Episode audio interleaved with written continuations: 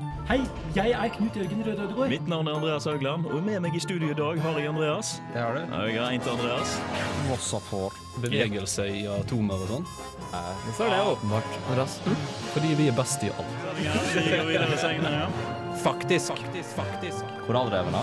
Ringkorallrev. Maur lever samtidig som dinosaurene. Det er egentlig litt kjedelig. Men I'm James Randy, and you're listening to Unillustrated Science. Science isn't about why, it's about why not.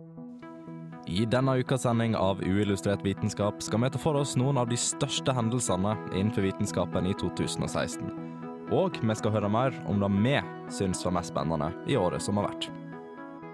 Hallo og hjertelig velkommen til årets første sending av Uillustrert vitenskap. Mitt Jo. navn er Andreas Haugland, og jeg skal lose dere trygt og sikkert forhåpentligvis gjennom denne sendinga. Med meg i dag har jeg selvsagt Andreas. Ja, det er det. Jeg har òg en til Andreas, faktisk. Oh, ja. Og så har vi Martin. hallo. Hvordan går det, gutta? Det går bra? Ja, bra. Det, ja, det går så vidt. Det går så vidt, ja. Har, Det går fremover. har start på semesteret allerede. Jeg har starta året ved å dra til Åre, og det blir litt av gårdekåret. Jeg Hvordan går det med deg, deg, Nei, Andreas? Det går veldig bra. det gjør det. Jeg har eh, nå uh, kommet i gang med rutinene igjen, og ikke minst med radio. Og får lov til å tilbringe min lørdagstime sammen med dere. Du har også Ja. nettopp kommet deg over rusproblemet ditt, har jeg hørt. Ja, ja, ja, det, ja, stemmer, stemmer det. Eh, Det var egentlig hemmelig, det, skjønte du. Mm. Det, men eh, oh, ja. Se, se og Hør kom, og så tok de meg, skjønte du. Og- Ja, Da er den nissen brutt, i hvert Det fall. var nesten dritt. Ja, uh, I dag skal vi jo da snakke om uh, veldig masse spennende, og det som vi syns var det kuleste og det mest spennende som skjedde i 2016. Eh, og da er det jo ja, utrolig masse spennende vi skal se på. Og vi skal snakke først innom 2016 in space. Det skal vi. Og da skal du snakke om Uh, jeg skal snakke om mye rart, da. Men uh, jeg skal egentlig bare oppsummere alt. alt det jeg syns var fetest da i Alt 2016 Ja. i verdensrommet. Så nå er det bare å hoppe opp i Saturn 5-raketten deres. Vi skal til rommet. Vi skal til rommet. Her har du da British Sea Power av Bad Bohemian.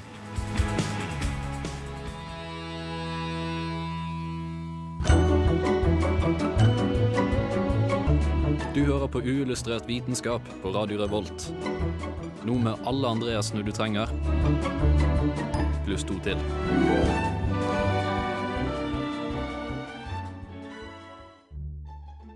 2016 var et sykt bra år for verdensrommet.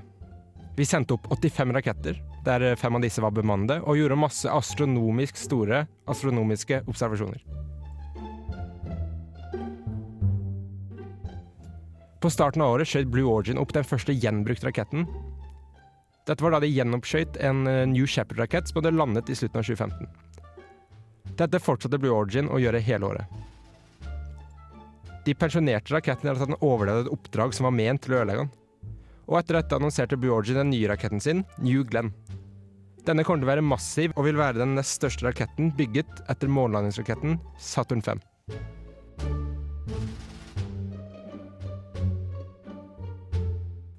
SpaceX startet året dårlig ved å sprenge to Falcon 9-raketter, for de kom seg opp i ringa igjen i stor stil ved å lande en rakett på en flåte ute på havet.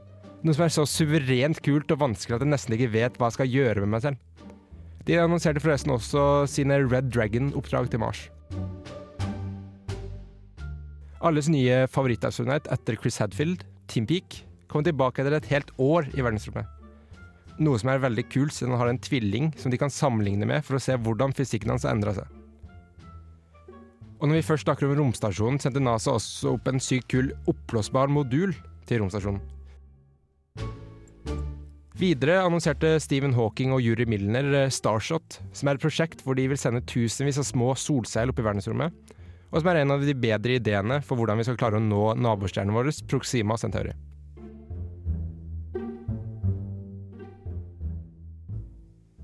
To av mennene ansvarlig for å drepe Pluto, Mike Brown og Konstantin Beijin, prøvde å rette opp i skaden ved å gi ut bevis på at det kanskje finnes en niende planet i solsystemet. Dette skal Andreas snakke om senere.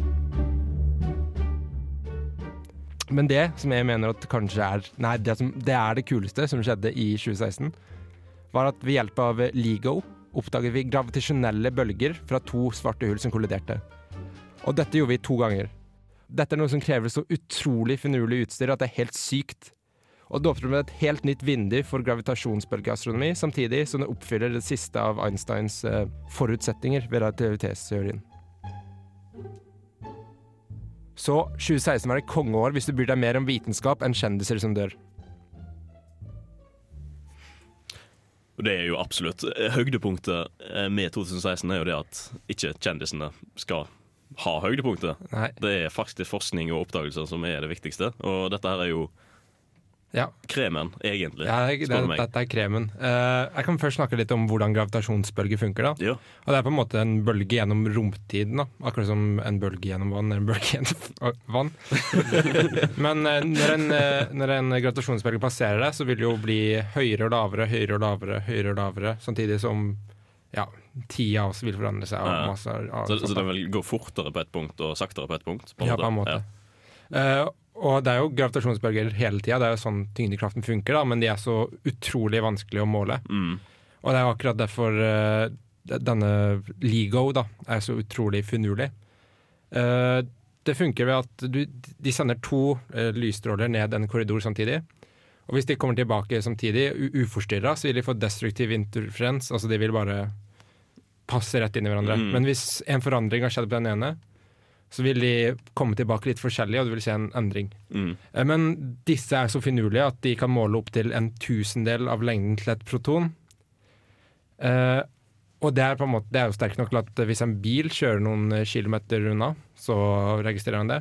Heller en fugl kan fise rett i nærheten. Og Og, det, det får utslag på det. Ja. Da må de rett og slett sample et helt ufattelig antall ganger da, for å kunne få nøyaktige målinger. Nei, det, det de har gjort, da, det er at de har to, eh, to eh, sensorer på hver side av USA. Ja, akkurat. Så en fugl som fiser vil jo ikke reise så langt. Men en gravitasjonsbølge har jo reist eh, over ja, i milliarder av år. Eh, Ja. Så hvis de merker den samme målinga både i, de to, i begge to reaktorene, Mm. og da vet de at de, da er de med på noe. Men så har også, for at dette skal være så bra som mulig, så har ledelsen hele tida sendt ut sånn feilmålinger for å passe på at alle rutinene i teamet er eh, på topp. da. Og bare sånn, kødde med dem sånn, sørge for at de må gjøre det riktig.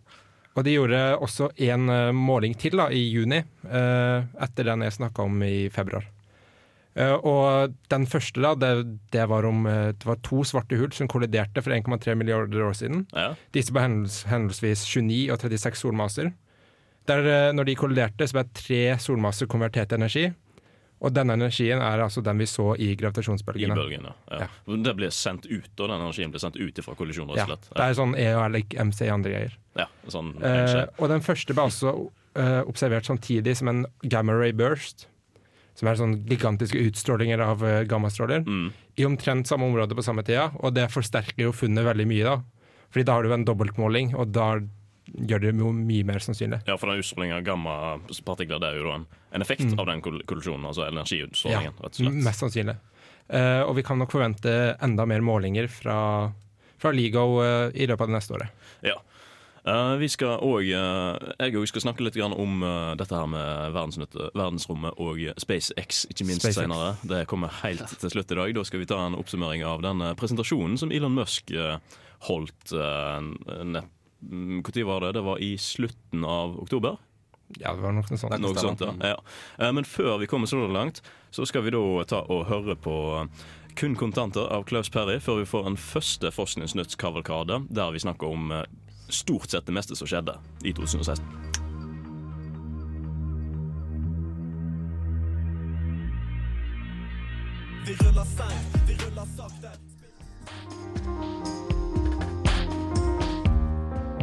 Skanning av hjerneaktivitet viser hvordan videospillavhengige har økte nevrale nettverk. Hjerneskanninger fra universitetet i Utah og Chongang-universitetet i Sør-Korea, tatt av nesten 200 tenåringsgutter, har vist at hjerneaktiviteten til videospillavhengige personer er annerledes kobla enn hos personer uten spillavhengighet. Hovedsakelig var forskjellene i aktivitet sett på som fordelaktige, men noen av de fordelaktige forskjellene viste seg å være uavskillelige fra problemene de medførte. Forskerteamet ved Wendelstein 7X-stelleratoren i Tyskland produserte hydrogenplasma for første gang. Ved å injisere hydrogengass inn i reaktoren skapte forskerne en kontrollert hydrogenplasmastrøm gjennom et eksperiment med formål om å realisere kjernefysisk fusjon som en pålitelig, ren energikilde.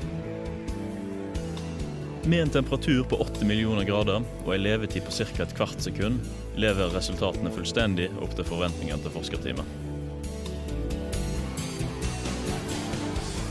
NASA publiserte for få dager siden en interaktiv 360-graders video fra planeten Mars. Filmen, eller bildeserien, er satt sammen av flere bilder fra Bagnol-området på planeten og er tatt opp av Curiosity-roveren. NASA har også nylig publisert over 1000 bilder fra de første månelandingene. ExoMars Mission. Den 14. mars skjøt ESA, eller The European Space Agency, opp ExoMars-orbiteren.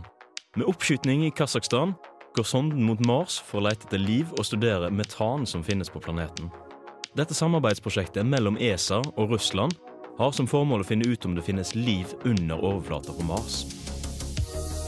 Når den lander, som forhåpentligvis vil bli i oktober i år, vil den kartlegge hvor metanen kommer fra, og finne et ideelt landingsområde for en rover som forhåpentligvis skal skytes opp i 2018. Tillegg skal ExoMars slippe ut en lander som skal studere planetens støvstommer og bane vei for en mer funksjonabel Mars rover som skal utforske planeten rundt 2021.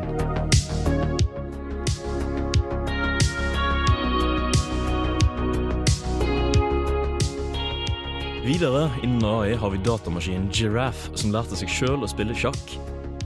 Det revolusjonerende med Giraffe er ikke at den kan tenke seg millioner av trekk på kort tid, men at en tenker mer som et menneske i spillene sine.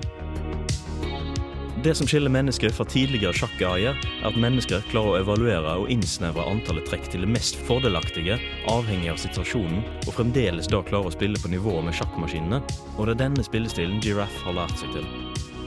Giraffe er ankret i et nettverk som minner om måten vi mennesker observerer og prosesserer informasjon på, noe som gjør at AI-en klarer å kjenne igjen de mest kompliserte mønstrene som kan oppstå i sjakk.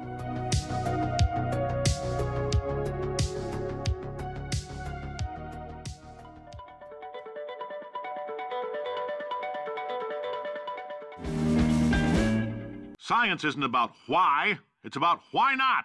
Why is so much of our science dangerous? Why not marry safe science if you love it so much?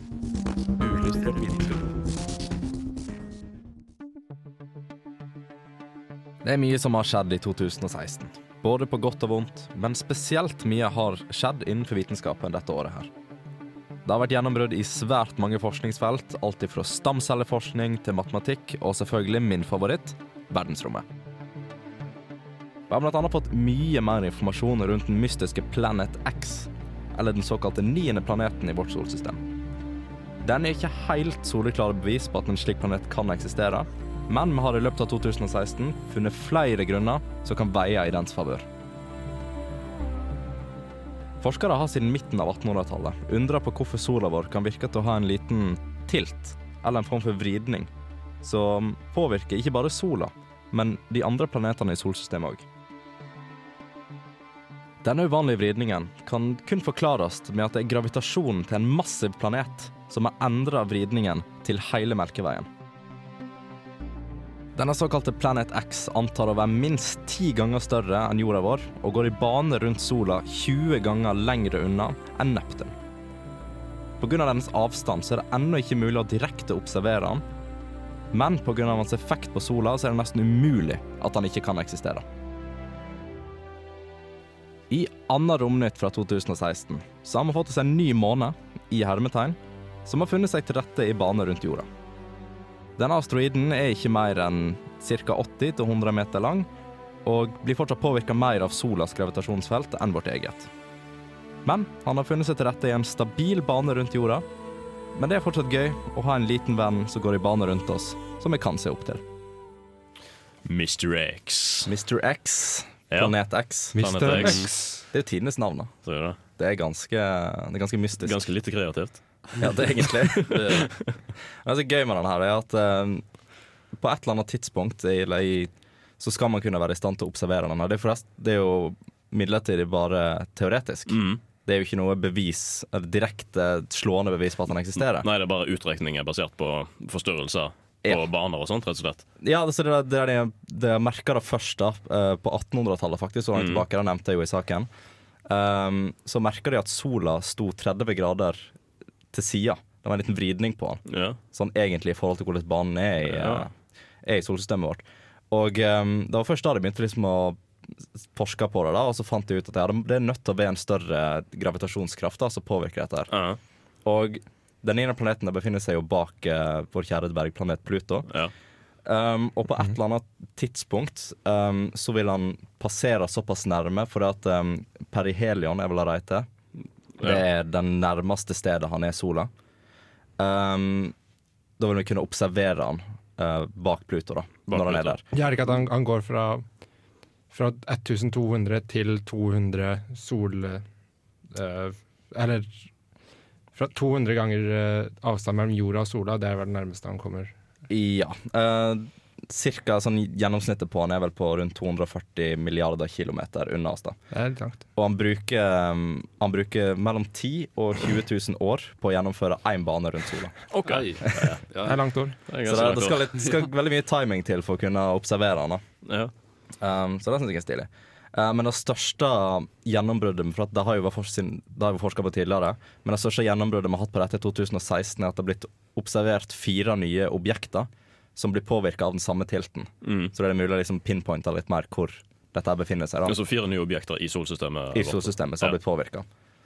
Det var ikke definert hvilke poeng Nei, hvilke objekter på NASAs side det var, men eh, det var fire objekter. Var fire objekter. Ute i Kuiperbeltet. Sikkert. Ja, stemmer. Det stemmer.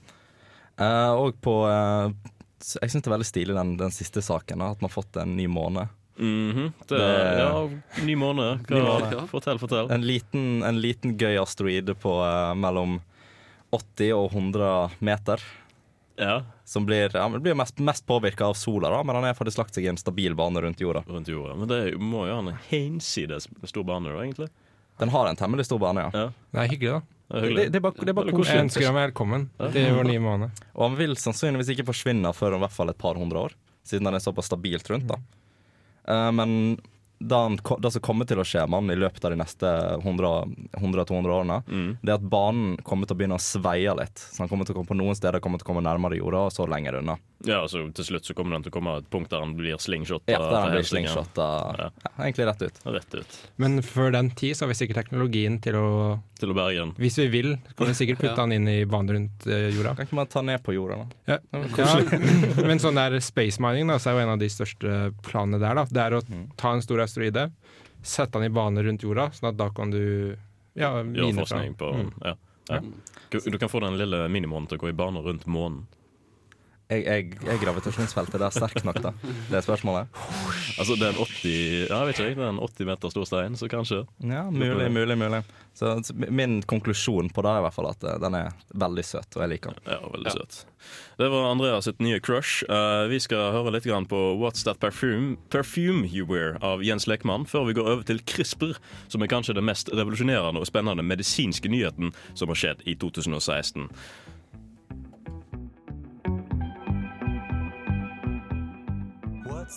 So, this is Richard Wiseman, author of 59 Seconds, and you are listening to Unillustrated Science. Enjoy.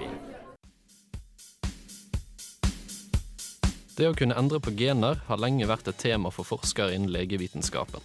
Selv om teknologien er ny og lite utprøvd, har den hatt suksess på en del områder. Men inngrepene har åpenbare problemer. I tillegg til generelle etiske spørsmål rundt genteknologi, så er behandlingen dyre og tidkrevende. Det nyeste innen genteknologi lover ikke å svare på de etiske spørsmålene, men vil være med på å gjøre behandlingene billigere, raskere og mer tilgjengelige. Denne nye teknologien baserer seg på noe som heter CRISPR. CRISPR står for Clustered Regularly Interspaced Short Palindromic Repeats og er sekvenser med DNA i en bakterie som den har opprinnelig hentet fra virus. Når et virus angriper en bakterie, begynner den å spre sitt eget DNA for å ta over bakterien og gjøre den til en slags fabrikk for viruset. I de fleste tilfeller lykkes viruset, men når bakterien vinner, er den styrket for neste angrep fordi den nå har en del av virusets DNA. Denne DNA-sekvensen lagres i CRISPR-sekvensen, som fungerer som et slags arkiv for virusangrep. Ved neste virusangrep kommer Cas9-nuklease inn i bildet. Cas9 står for CRISPR Associated Protein 9 og er et protein som tar en RNA-kopi fra CRISPR-sekvensen og sammenligner kopien med all annen DNA den finner i bakterien. Når den finner en match, har den funnet et virus. Da tar den og kutter av den samme delen av virusets DNA, slik at viruset mister sin funksjon. Dette gjør Cas9-proteinet med enorm nøyaktighet.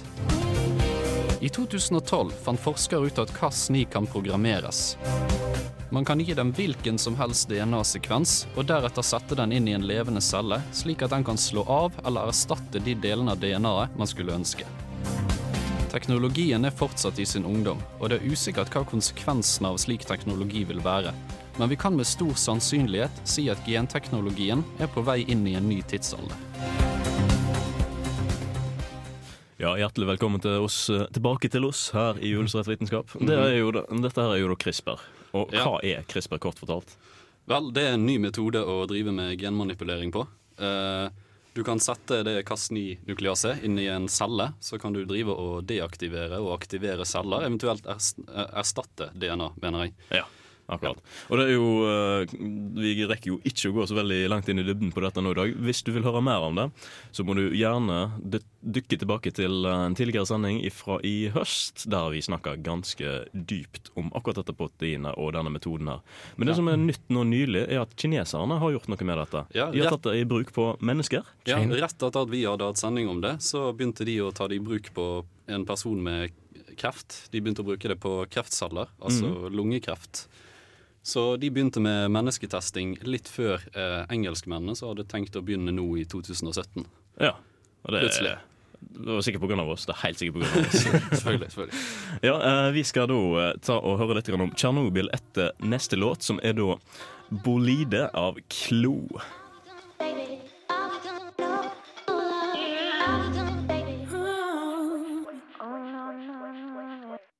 I'm James Randi, and you're listening to Unillustrated Science.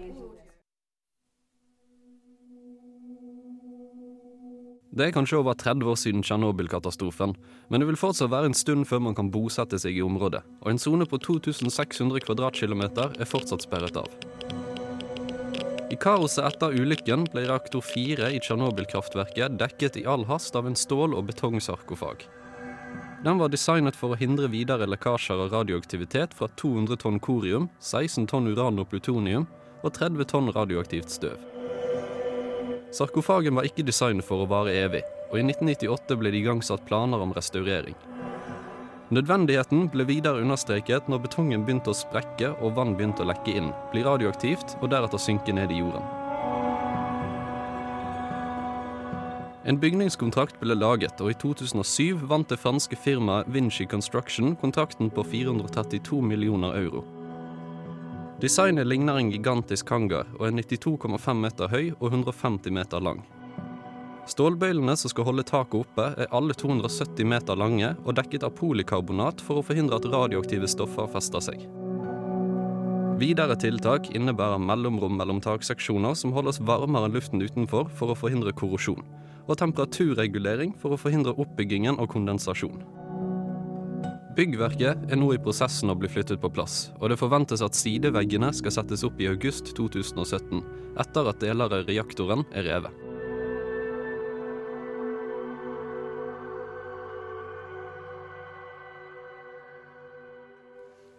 Tsjernobyl er jo kanskje det siste skikkelig Nei, det, jeg tar det tilbake. Fukushima. Det, Fukushima, det siste skikkelige skremselstilfellet av uh, hvorfor vi ikke skal ha atomkraft. da. Altså det som folk bruker for at vi ikke skal ha atomkraft. Ja. Og det er jo det er dumt egentlig at de gjør det, for det er jo så trygt og sikkert sammenlignet med veldig mange andre ting. Ja, Tsjernobyl var jo egentlig resultatet av en ganske stor tabbe, men uh, det er nettopp det, og det er jo Ja. uh, ikke minst teknologi som nå er nesten 40 år gammelt, blir det Ja. Mm. faktisk. Så ja. Mm. Men vi kan jo snakke litt om hvordan den ble konstruert. Den store hangaren. Ja. Da begynte de på toppen, og så løftet de den opp, bygget under, og løftet den opp igjen. Og dette gjorde de tre ganger, helt til de hadde bygget hele saken. Ja. Så nå står selve konstruksjonen klar. Nå, de, nå holder de på å dytte den på plass ved hjelp av hydraulikk. Ja, akkurat, for de bygde den ikke opp over Nei, den de gamle sarkofagen. De bygde den ved, på en måte ved sida av, da, så dytter Ja. de den inn på området. Ja, Ja, Men den står fortsatt veldig nær reaktoren, da. Ja. Og det er på den måten de har tatt hensyn til arbeidernes sikkerhet, rett og slett. Ja, de har, de har 900 arbeidere, så det er nok en del rullering. De har hundrevis av sensorer rundt arbeidsplassen som skal passe på at radioaktivt støv eh, ikke kommer inn. Ja. Så har hver arbeider to dosimeter. En som, eh, en som viser hvor mye de får i sanntid, og Ja. en som loggfører total. Så det som er, det er at de har en daglig grense og en årlig grense. Den årlige grensen er på 20 millisievert. Og hvis du står oppå den nåværende sarkofagen, så når du den årlige grensen på ca. 12 minutter. Akkurat det. Såpass. Ja. Du kan med andre ord stå der relativt lenge, nå, for den sarkofagen er jo Ja, så den er fortsatt ganske tett. Ganske skremt av den, rett og slett. Ja. Vi kan jo si at 20 millisievert er jo ganske lite, så det er jo veldig høy, høyt fokus på sikkerhet. Det er ca. sant. 10-30 millisievert man får i seg ved en full CT-scan. Ja, Men problemet hvis du står der for lenge, så har du mista jobben. Det er jo Ja, det det, er litt det, det får du ikke arbeide på et år. Det det er litt kjedelig. Ja. Det er jo det, du får jo til og med i deg eh, radioaktivitet, altså et par mil, ikke vet ikke hvor mange millisievert det er, men av å spise bananer, rett og slett. Ja, det er visst nede i mikrosievert. Mikrosievert, vel, merke. Ja. Det er ganske fascinerende. Jeg så bare banan. Men, Såkalt banan, ja. Banan, ja. Banan. Eh, Men, men du sa noe om korium. Korium, ja. Det er Kort fortalt, det er radioaktiv lava. Radioaktiv lava Ja. som, som da har kommet ut av uh, reaktorene. Det er, en, det er hva skal jeg si, et biprodukt av en nedsmelting av en reaktor. Og det er egentlig en blanding av atomdrivstoff, fisjonsmateriale og de kontrollstavene som egentlig skulle regulere prosessen. Så, så sånn elefantfoten i Tsjernobyl, er, er det korium, liksom? Det er korium. Det er stivnet korium. Stivnet korium. Så de er ekstremt radioaktive. Ja, så altså, man holder seg unna de. ja, altså de som skulle inn der og researche den etter Tsjernobyl, de døde jo hele gjengen. Ja, det, tok ikke så lang det sånn tid heller, kunne- sikkert. Fordi, Du kunne ikke se på den direkte. Nei, sånt. Du, det måtte, hørt, du kan ikke ta, kunne ikke ta bilde av den, for blitz, eller filmen ble rett og slett blenda. mm, så du måtte ta den via et speil som var stilt opp mot uh, sida, hvis ikke jeg tar feil. Ja, Ja. stemmer. Det er som. Harry Potter, uh, Mysteriekammeret. Ja. det er veldig sant. Men hvis du vil høre litt mer om radioaktivitet og eh, atomreaktorer, så foreslår jeg at eh, du går inn på Radio Revolt på Ulesert sine programmer og hører litt grann eh, mer om uh, ei tidligere sending der vi snakka om nettopp dette. Nå får du Oslo av Anna of the North. Winter's night, I saw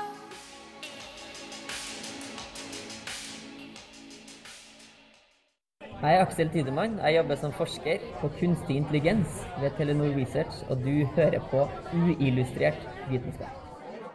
Ja, og det var alt det vi rakk i dag. Dette her det har vært veldig hyggelig å vært med dere gjennom sendinga. Mm -hmm. Eh, håper dere har kost dere der borte i andre sida av studioet.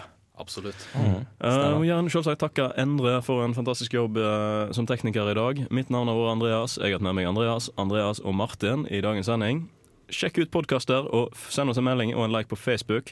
Her runder vi av med Elon Musk sin eh, oppsummering av SpaceX Forskningsnytt. Ha det bra. 27.9 holdt Elon Musk, grunnleggeren av Tesla, SpaceX og PayPal, en presentasjon som ble livestreamet, der han la fram SpaceX sin plan for bemanna romfart til Mars innen 2025. I presentasjonen la han fram en plan for årene framover, som inkluderte både det de ønsker å få utført innen 2025, og de elementene de må utvikle for å gjennomføre en lønnsom romferd. Den første ferda går til Mars i 2018, der de vil sende ei ubemanna fartøy ved navnet Red Dragon. Deretter, i 2022, vil de sende en ny og gjenbrukbar rakett, som vil bli drevet av de nyutvikla Raptor-rakettene, som hadde sin første vellykka testfyring to dager før presentasjonen. Dersom den gjenbrukbare raketten blir en suksess, vil den første bemannede ferden forhåpentligvis lande på den røde planeten innen 2025.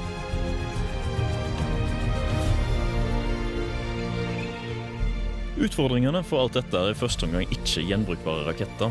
For det er nokså SpaceX har jobba med kontinuerlig de siste årene, så teknologien er kommet langt der sammenlignet på mange andre punkter. Utfordringen er den utrolig høye prisen det vil koste å sende mennesker til å bo på Mars.